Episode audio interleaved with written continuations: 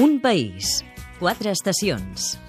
El turisme a Catalunya Informació amb Fèlix Martín. Tarragona reviu el seu passat romà amb la Tàrraco Viva, que va començar a principis de mes. Fins al dia 25 calculen que passaran per la ciutat més de 100.000 persones, amb un impacte econòmic de 10 milions d'euros. Escoltarem també Jordi Rubea, responsable d'una nova campanya de promoció turística de Lloret de Mar, amb la qual volen trencar tòpics. El Festival de Reconstrucció Històrica Tarraco Viva arriba aquest cap de setmana a l'equador de la seva celebració i ho fan més força que mai.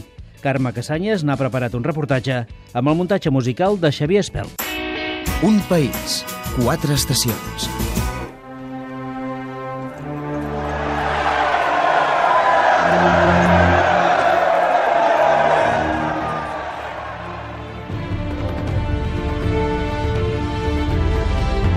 Tàrraco Viva arriba enguany a la setzena edició dedicada a commemorar els 2.000 anys de la mort de l'emperador August.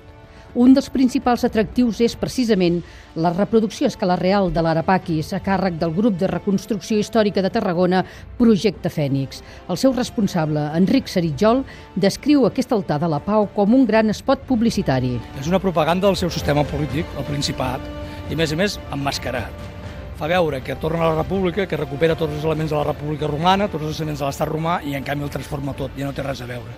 Però en canvi l'Arapaquis continua representant tots els alts tribunals, els alts magistrats de la república romana, tots allí com si fossin un paper important, quan ell decidia tot qui era magistrat, qui no era magistrat, qui era cònsul, qui no era cònsul.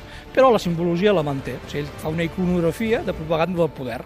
I en, jo no sóc revolucionari, jo sóc un reformador, he portat la pau a Roma i retornar la república i els valors republicans a Roma i els valors morals. I faig aquest temple, aquest altar, que m'ha dedicat al Senat, que m'ha dedicat a mi, però és una mostra d'això, no? de, de que hem recuperat els valors, hem recuperat tots els valors primitius de, dels romans que ens han fet tan grans, i ara hi ha pau, tranquil·litat i prosperitat.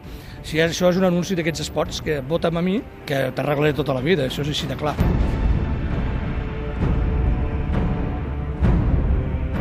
Des del 5 de maig passat i fins al dia 25 es podran seguir més de 800 activitats relacionades amb el món romà i especialment sobre August. Aquest esdeveniment, a banda de la importància cultural, ja s'ha convertit en el principal atractiu turístic de la ciutat. Begoña Floria és la regidora de Cultura.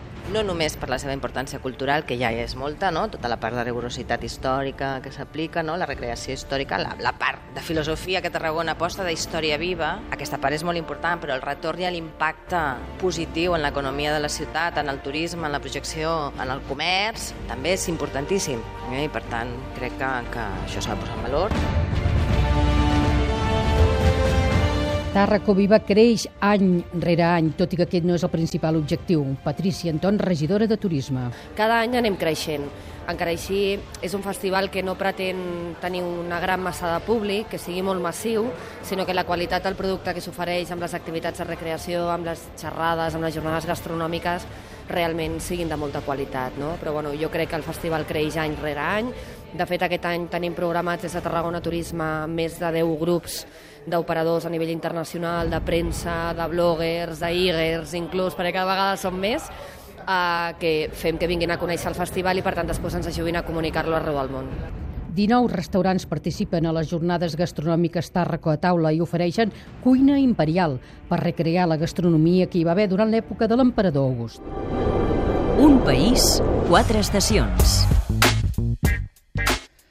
L'Ajuntament i el sector turístic de Lloret de Mar fa temps que treballen per trencar els tòpics que associen al municipi només al turisme de Gresca.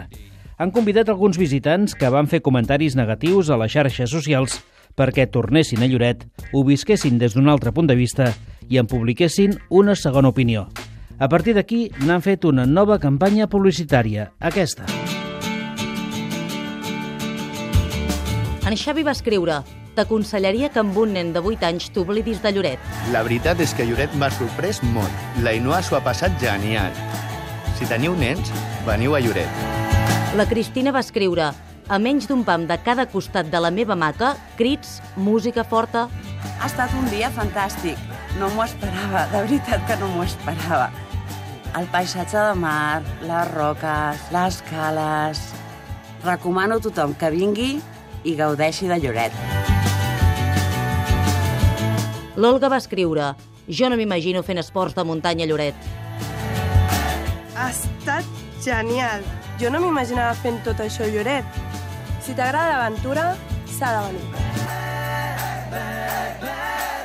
Una campanya dissenyada per Jordi Urbea. Ell també ha quedat sorprès per l'oferta de Lloret de Mar. El protagonista.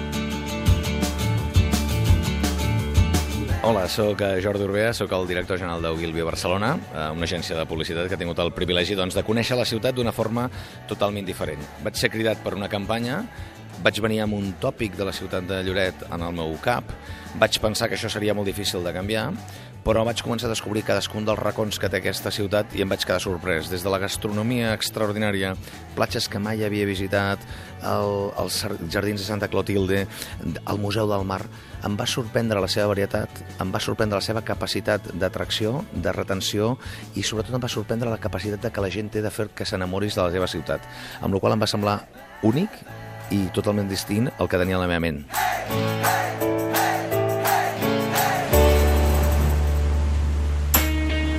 Un país, quatre estacions.